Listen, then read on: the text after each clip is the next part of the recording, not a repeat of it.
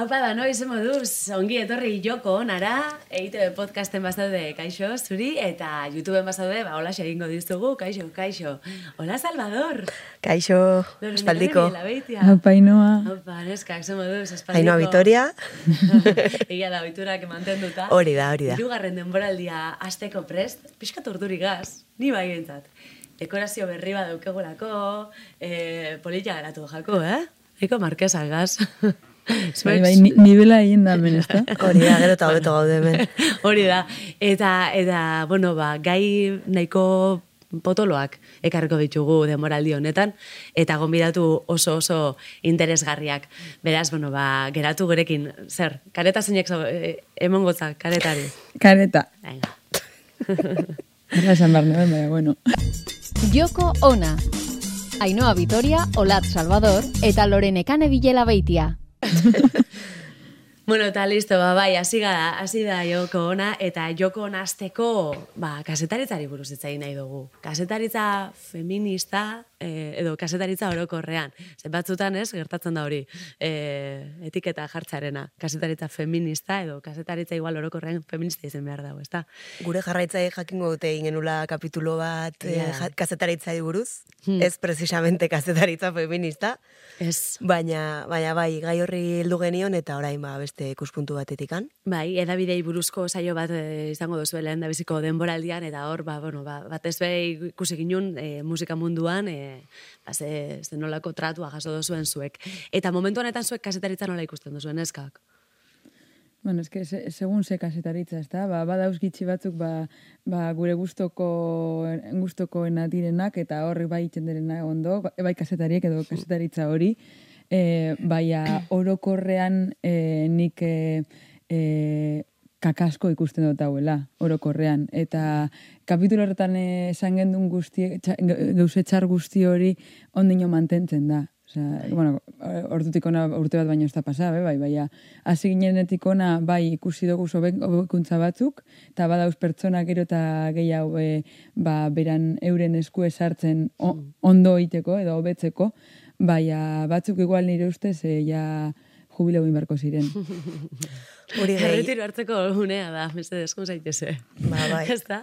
Hori gehi medio asko ja e, nabaritzen dela urrutitik e, saldu direla ba, korporazio handietara eta ja informazioa, jasotzen dugun informazioa ba, filtro askorekin edo begira askotatik begiratu behar degula, ze, ze bueno, ba, gero eta kontrola handiagoa dago iristen zaigun gauzetan ere. Bai, eta ez dakizu zer sinistu eta zer ez. Bai, oso zaila da, eh? filtro hori eitia.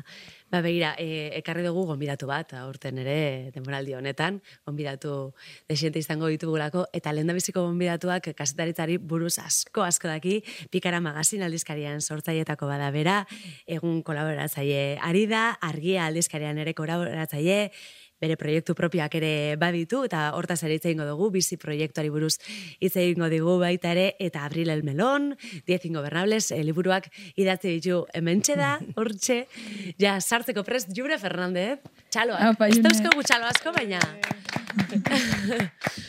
Kaixo, Junez, eskerrik asko eta ongi etorri joko nara. Mi esker. Zelako plazera zuen mentxe eukitzia. Bai. Zu bazara guretako erreferentea, eh? Eskerrik asko. Zu, Niretzat zu ez erretireu, eh? Ez jubileu. Ez, ez, ez, ez, ez. gaztean nahi dino. bai, gainera, bueno, posik eh, rol aldaketa honekin, ez? Nik elkarrizketa ginion Olat Salvadorari Bai. eta Lorenekan eri ez, baina Kris Lizarragari be bai, bai. proiektu baterako, orduan, bueno, gustatzen zaite rol aldaketa hau. Bai, o, o, eroso sentitzen zara elkarrizketatu bezala, ze batzutan Ez. gertatzen. Nahiago dut beste aldean mantendu bai, baina tira, pres. Vale, vale. Ni ere rolez aldatuz no, osea, que... bai, ez da, batzuk, ba, zu baita, zuk esaten zinun, eh, lore, eh, kosta itxe jatzula igual, kantatzea edo jotzea jatzula kostatzen, baina hemen eh, kamera aurrean hitz egitea. Hori ba, zen hiperbasko iten dut, baina kamaren aurrean beste eta. bueno, jungo gara askatzen. Jure, urteak dara matzazu kasetari moduan, oin zuk momentu honetan, e, urte ibilbide hon guzti honetan, e, bilakarerarik ikusi duzu, aldaketarik edo hobekuntzarik sentitu duzu? Beitu, bani hasi nintzen egunkari batean, egunkari nahiko hege- hegemoniko batean, eta momentu hartan, igual, hiru emakume ginen, erredakzio osoan, ni gazteena, eta bai zegoen horrelako, hau da, e, alde batetik, e, erredakzioetan egon den feminizazioa oso nabarmena izan da, ez? Aldiz, e, zuzendaritza edo botere postuetan oraindik ere gizonezkoak dira gehiengoak, ez? Eta bestetik, ba, prekarizazioa, nik e, lan hori galdu nuen, ba, krisialdiaren garaian, eta pikara sortu nuen, hain zuzen ere, ba, ez nuelako tokirik ikusten e, medio tradizionaletan, ez? Orduan, bueno, alde batetik eskerrak, oza, krisiak ekarri duen onura bat bai izan da, pikara bezalako medioak e, jaio direla, baina, bueno, ba, ze egoeratan gauden, ez? Ba, pikara lan egiten duten, bueno, kolaboratzen duten gehienek, badauzkate bestelako lanak, eta azkenean kasetaritza bihurtu da, aizialdirako lan pasio moduko bat, ez? Ba, bazaude...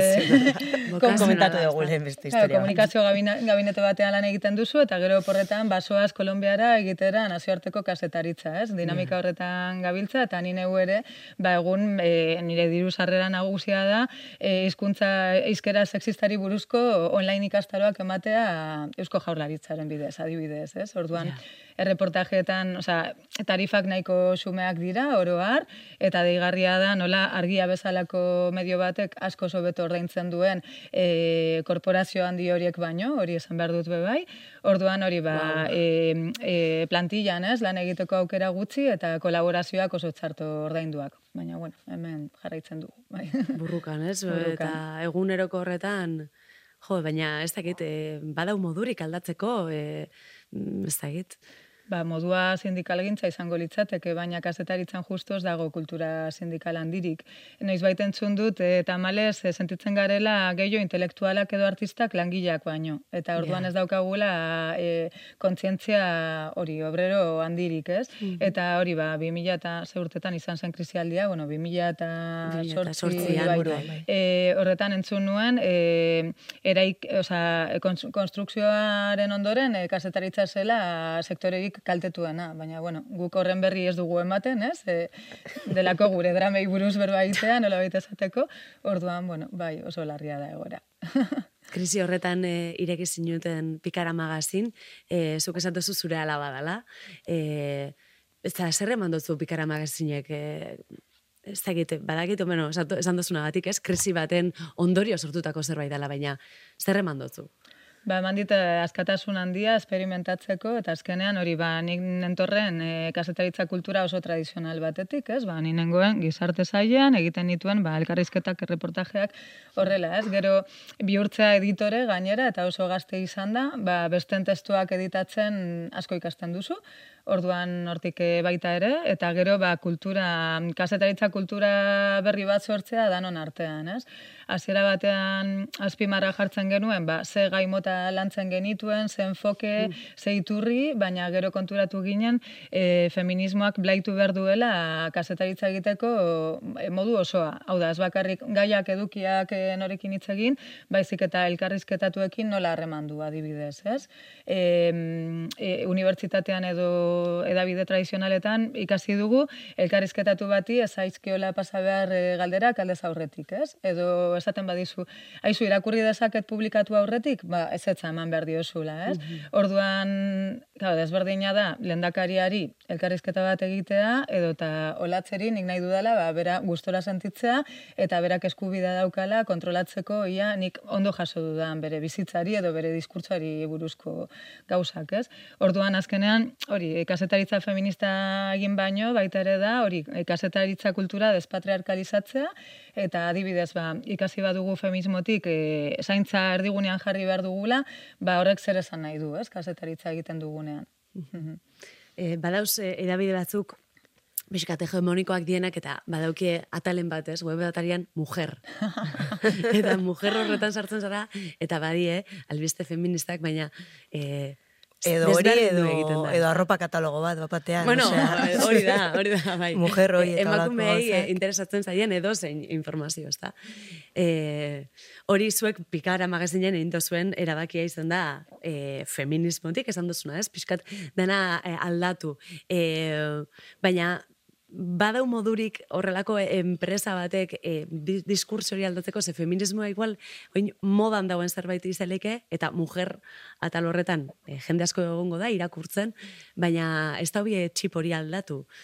E, nolain hori aldatzeko. E, txik, gure txikitasunetik sortzen hasi edo edo nolain. Mhm.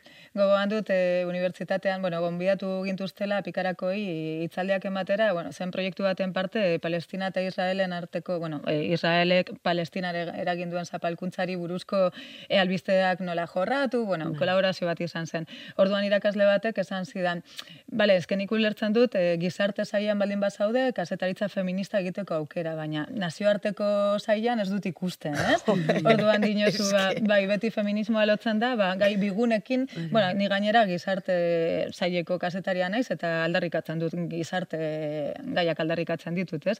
Baina oraindik ere eskema patriarkal hori da, dago, ez? Hau da, kasetaritza gogorra importantea, ez? Portadan aterako dena da politika, e, gizonezkoen futbola eta ekonomia. Eta gizarte eta kultura dira bigunak, eta orduan emakume gehiago gaudean, eta orduan emakume gehiago ere ateratzen ditugu protagonista gisa, ez?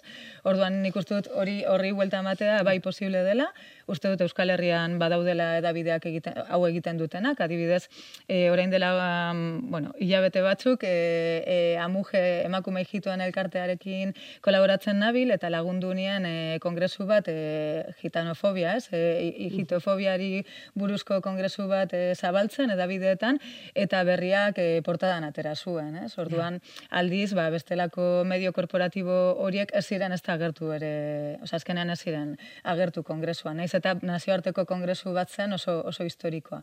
Orduan bai uste dut, ba, hori, herri mugimendutik gertu dauden e, edabidetan lortu direla barne prozesu sakonak egitea, eta hortan, bueno, esperientzia desberdinak ditugu, ez? Ba, el diario.esen adibidez, badaukate figura bat, e, reaktora jefa de género, ez? Eta horren horrek egiten du zeharkako lan bat, e, bermatzeko, ba, gutxienez praktika matxistak ez egotea presente, ba, esail desberdinetan. Hori. Ja. Mhm, Zeharkako lan hori nire ustez da komplezuena, e, gai feminista askoz gehiago agertzen direlako, baina beti ere, ba, ba hori ez, atal jakin batzuetan. Eta zer esango zenioke kasetaritzan ari dan emakume bati eta bueno, hortan aldaketak ikusi, ikusten ditu eta e, egin nahi ditu, baina igual ezin dau. Zer egin leike?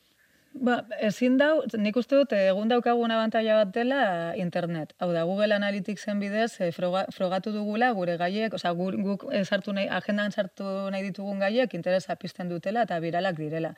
Hau da, nire garaian egunkari tradizional batean, ba, konbentzitu behar nuen zuzendaria, baina egun badirudi ez, ba, hori, sare sozialetan bertsioek eta nolabait arrazoia ematen digutela. Bestela ezin da azaldu ez, zergatik e, Davideain tradizional patriarkal sexistetan, ba, gertu daitezken erreportajeak genero ez bitarrari buruz, ez? Ba, konturatu dira nolabait, ba, identitatei, gorputzei, e, de, e, bueno, zapalkuntzei buruzko gaiek, ba, bai interesa pizten dutela, ez?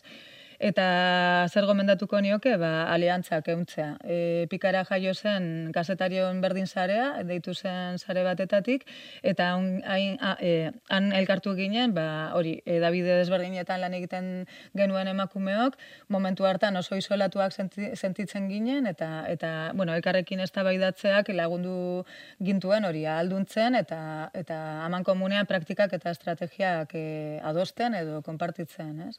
Orduan, bueno, bai, Ze iruditzen hori dela bidea, eta EITB-en horrelako esperientziak ere dituzu, eta bai, posten naiz. Poliki, poliki, baina bai, aldaketak egin beharko dira, egia da. Bai. E, eta ze iruditzen gatzu, nik uste, bueno, nik behintzat hori sentitzen dut, ez da, e, askartasun hori, ez?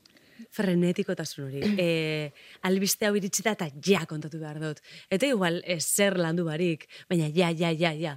Eta sare sozialetan agertu bada zerbait eta birala egin bada, e, askar kontatu behar da. Uf, horrek ez, ez dau laguntzen. E, patxar, nik sentitzen dut, zuke patxaraz e, idazten dozula, patxaraz kontatzen dituzula historioak, baina e, beti ez, ba, beste paraleloan doian kasetaritzan moton dau. E, askartasun horretan, e, nola hartu jendeak be, iruditzagat publikoak be jakipar dauela, ez? Askartasun hori bestala komeni. Mhm. Nola Bai, e, nik uste dut, adibidez, em, a ber, mugimendu feministak edabideekin daukan harremanari buruz e, lan bat egin zuen e, pikaran praktikak egin zituen e, e, ikasle batek, hau da, hori izan zen gradu ondoko bere lana edo, eta agertzen zen zailtasun bat zen hori, mugimendu feministak erritmo jakin batzuk dituela, eta gainera e, balioan jartzen dugula, ba, gure diskurtsoa kolektiboki eraikitzen dugula. Orduan, ezer gertatzen da, ba, adibidez, emakume baten hilketaren aurrean, ba, Davidek espero dute, edo nahi dute, ba, feminista bat agertzea iritzia ematen, ez? Ordura. Eta, eta claro, hori ez da posible. Edo mm, egunkariko orrialde oso bat betetzeko, e, ba, inorez dago pres, e, adituak ez daude pres, hain denbora gutxitan iritzia emateko, eta orduan zer egiten duzu, ba, hausokoen gana jo, eta betiko klitzeak jaso, ez? Ba, gizon normala zen, oso, atsegin, oso atsegina zen, maite minduta ziruditen horrelakoak, ez? Orduan, bai, eni bai nago hori erritmoa jistearen alde, eta hori egia da hor, sare sozialekin are gehiago, ez? E, indartu dela joera hori. Ez bai. nik uste dut, e, gero eta gehiago, e, gure bizitzan e, egunerokotasunean. Sa- Sare sozialateko guzenetik beti gabize e, Instagramen bideo laburrek, ze e, luzeak badire ez, ez dugu aguantetan, ez da? Gero eta, gero eta pazientzi gitxi hau dekogu.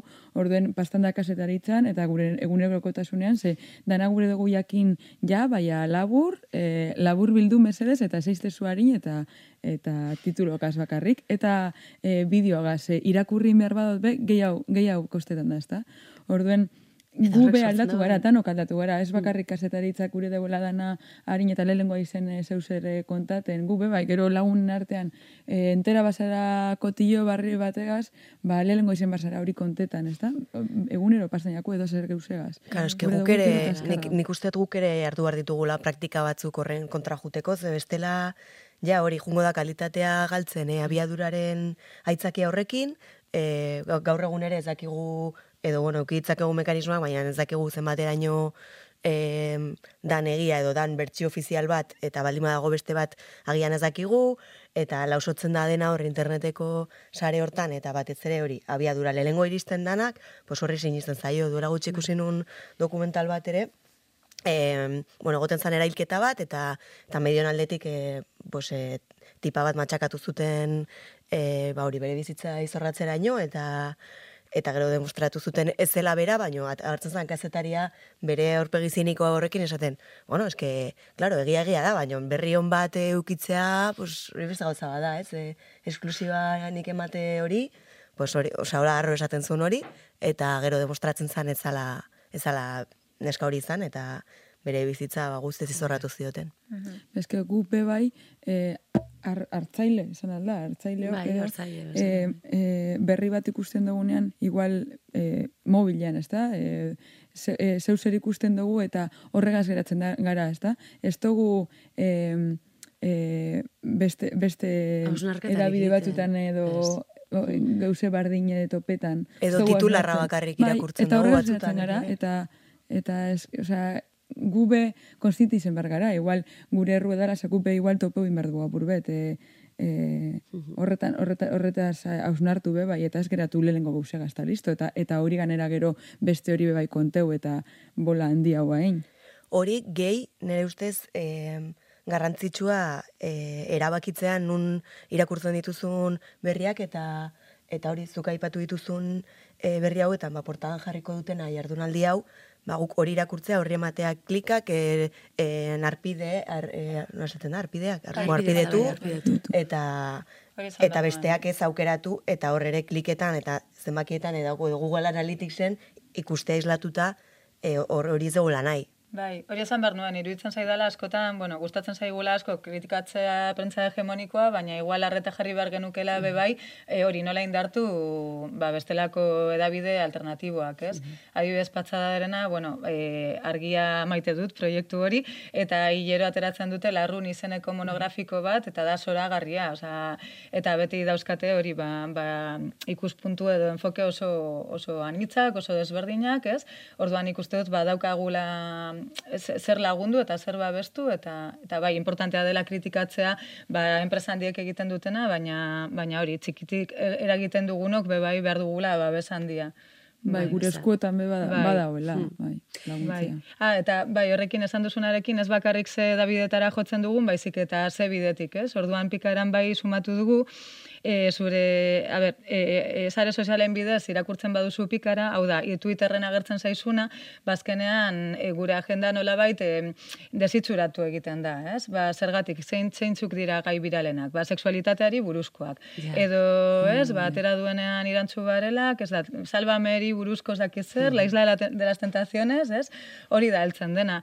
E, adibidez, azken urteotan saiatu gara mm, epikara estatu mailako proiektu bezala jaio zen, eta azken urteotan euskara plan bat egin dugu, eta gero eta eduki gehiago publikatzen ditugu euskaraz, baina algoritmoak ez du hori sustatzen. Orduan, oharkabean pasatzen da. Eta guk ikusten badugu, ba, gaztelaniazko mm, erreportaje batek dituela amar mila bizita, eta euskarazko batek zazpireun, ba, orduan desanimatu egiten zara, ez? Ja. Orduan gure gomendioa beti da, ba, buletinetara, ez, newsletterretara mm, e, izena emon, edo, ba, astero edo, ba, ba, portadara sartu, eta hor- hor- horrela izatea, ba, ikuspegi zabalago bat edo, ez? Bueno, Claro, eske gero algoritmoen aia da Bai. eh, faltatzitza eguna, osea, zenbat eta uste denagatik, eh? zenbat eta feedback handiago aukiz zerbaitek, eh, hori hori indartzen du, eh, sare sozial horrek.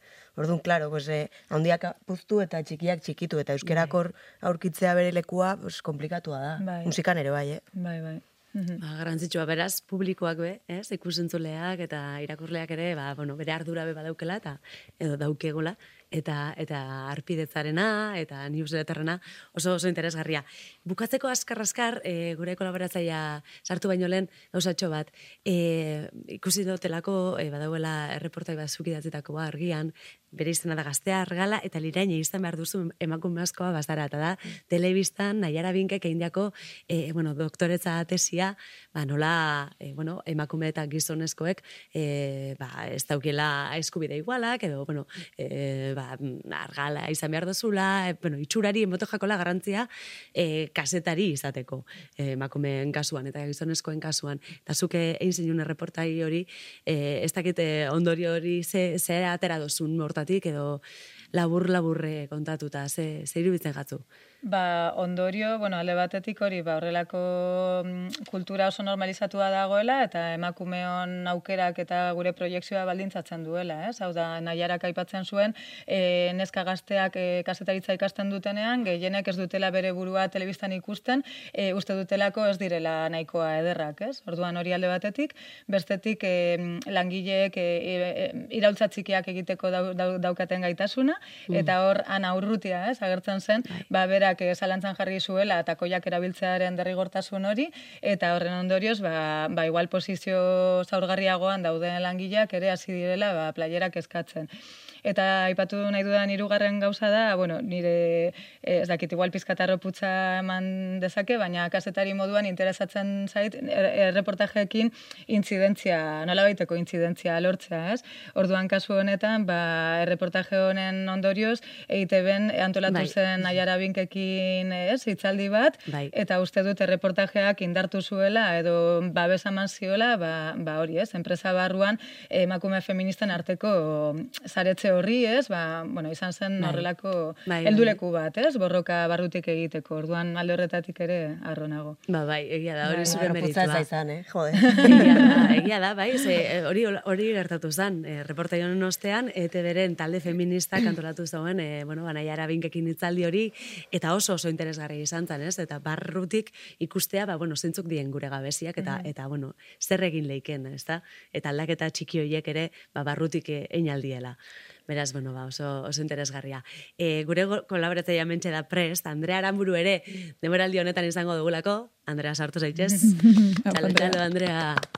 Andrea Aramuruk, bueno, Euskal Emakume Sortzaileen e, proiektuak eh, aurkezten dizkigu. Hoi da, beste behin igual egingo dut, eta. WhatsApp talde hortan ona, et? Ze Ana WhatsApp? Urrutiak Ah! sortutako EITB-ko WhatsApp talde hortan, esan zenean sartuko zeniala. Bai, egia da, falta zara, falta zara. Bai, Edurne Garmendia produkzio arduradun ere bertan da. Hori da. Eta, bueno, sekulako gauza dut. lana egiten omen Bai, eta, eta behar da, beharrezkoa da, horrelako talde bat, e, ikusteko, autokritika egiteko, eta eta ikusteko ze, ze landoian.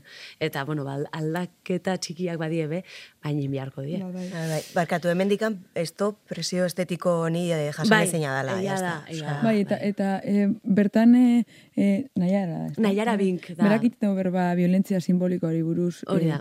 nik horretaz e, irakurri neuen, instituto nago nintzenean, eta iruditu, iruditu zitzaidan, de repente batua, e, super, super interesgarri ez, e, ze konturatu, hasi nintzen konturatzen, e, zenbat geuse barneratuta deko, guzen, eta e, esaten dozkue kanpotik, bueno, baina inork ez zaitu derrigortzen Claro. makillatzera, edo ez dakiz zer, baina barneratuta deko guzta, hori violentzia simbolikoa e, deitzen da, ez da? Bueno, geuse Bai. handiagoa da, baina Ez interesgarria- behartzen, baina zeharka bai. Hori, ezta? eta horretaz, horretaz geusetaz behiten mm. duzue berba WhatsApp Bai, honetan. bai, bai. E, Ba, oso- nahi oso gutxio, bai. baina, baina bai. Eta nire ustez e, zuka ataratako ondorioetako batean, eta nahiarak bai ikusten zagoena, el, ba, EHUko ikasleek, kasetaritzak, kasetaritza ikasten ari dien ikasleek, e, emakumeek ez duten nahi, telebistan bekaldiak egin, ez dutelako ikusten euren burua, ba, telebista saio batean, ez? Euren gorputzagatik ez dalako normatiboa, eta hori oso larria da. Bai, eta, eta segurantzen ez dutzi esan ezetz. Segurantzen... Ez, e, eurek, eurek- eurek- autozensura egin daue, azken da, finean, baina- baina- zegatik egin dute, ze ikusi dute telebistan. claro. Osea, Ba, hori dibidez olako kamisetak ez dela gertzen. Hori da. barkatu Andrea. Olako proiektuk agertza telebistan. Eta gaur azalduko izuet Ines Bermejona, bale? Ines da erromokoa bida. Gauza berri bat ikaste unero, ba, erromo omen da getxoko auzo bat. Bai. Eta beak itxetxu. Iputxi, iputxi, A asko bida, ez zuen furgonetakin da pipin gauza horiek itxen. Baina nik ez. Bueno, vale, zentratu gaitezen. Eta beak itxitu kolaxak. Eta kolaxekin itxitu, bueno, ba, txapita, kamisetak eta guzti hori, e, azalduko du pixkatxo bat, ba, nolako dien gure kamisetak, ba, podcasta entzuten nahi balmazate, adbidez, neren jartzen du. Irautza moreak eta gertzen da emakume bat, die kamiseta oso koloretsuk, Bai. e, bakoitzak azaldu ezala bere. Al, altxa eta borroka, Mm, eta beste emakume bat argertzen dabe, bai. Eta txapak be badekuz, eh? e, olako saldiekaz, ez zaude bakarrik. No, ana Bai. propio eman dio behai, tikismikis. Tikismikiz, tikismikiz naz, bai. Ba, Asko gustatu da kamiseta hau, eh? E, tikismikiz agertzen da, eta andra bat, bueno, aspaldiko olan erropa vintage istu, estilo Zer, horretan. espiluen ikusten zure Bai, ez dutela ondo ikusten hemendik, orduan, ba, pantaiak dut gustatu kere ikusteko. Eh, por cierto, eh, da. saludo bat eh, Inesentzako, zenik ezagutzen dut. Hala. Bai. Vale. Eta Bueno, azken Nikola, E, nerian ere kombinatzen dira ba, hori kolore biziak eta aintzinako Andra bat. pentsatzeta emakume baten irudi bat aske jartzen du eta eta txapako esaldia da pasioa ia ia lertu arte. hoi da. Ba, Inesek itxe ditu aldizkarik eta bere amakin batea bildu, eta gero amoztu eta olako diseinukin, komposiziokin, e, txapa batetik abiatuta, gero digitala ere pasatze ditu, eta dauzken lamina, kamiseta, poltsak, bueno. Bai, ederra dira, Ines, bi mek- beko marra, e, bermejo da bere Instagrama, eta horri izango dezu dana. Eta aman, bueno, komunen agertu dan e, elementu bat izan da emakumea. Ba, galdetu diogu Inesi, ea zergatik e, ba, erabiltzen ditun beti oinarrian emakumeen irudiak. Entzun.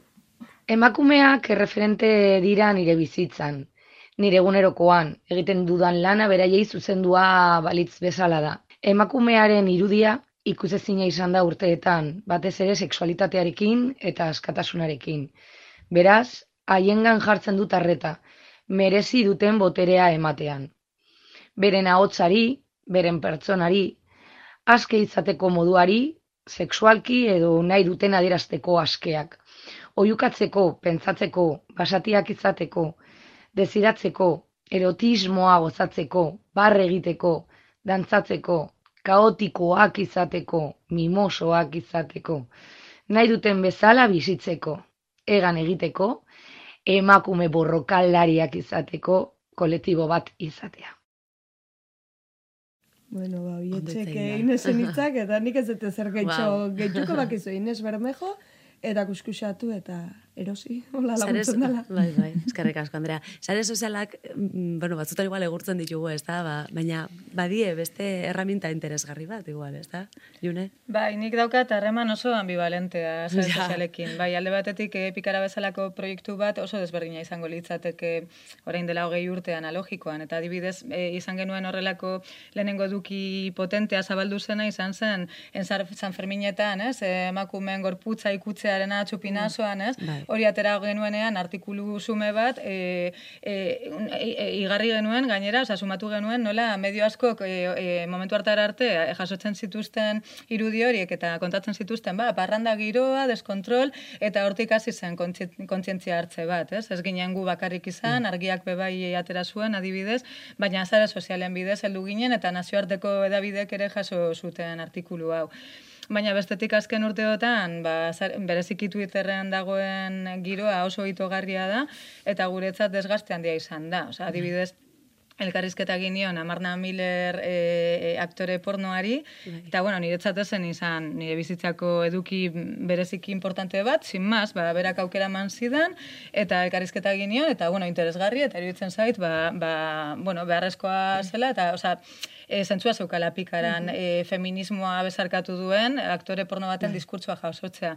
Bueno, agurtu gintuzten, oza, edabide proxian eta ginela, oza, horrelako gauzak, ez? Edo, bueno, bai, orduan oso zaila da beste aldera begiratzea, eta askotan, baia, erasoak pertsonalak bihurtzen dira, eta nik, nik adibidez utzi dut e, Twitter.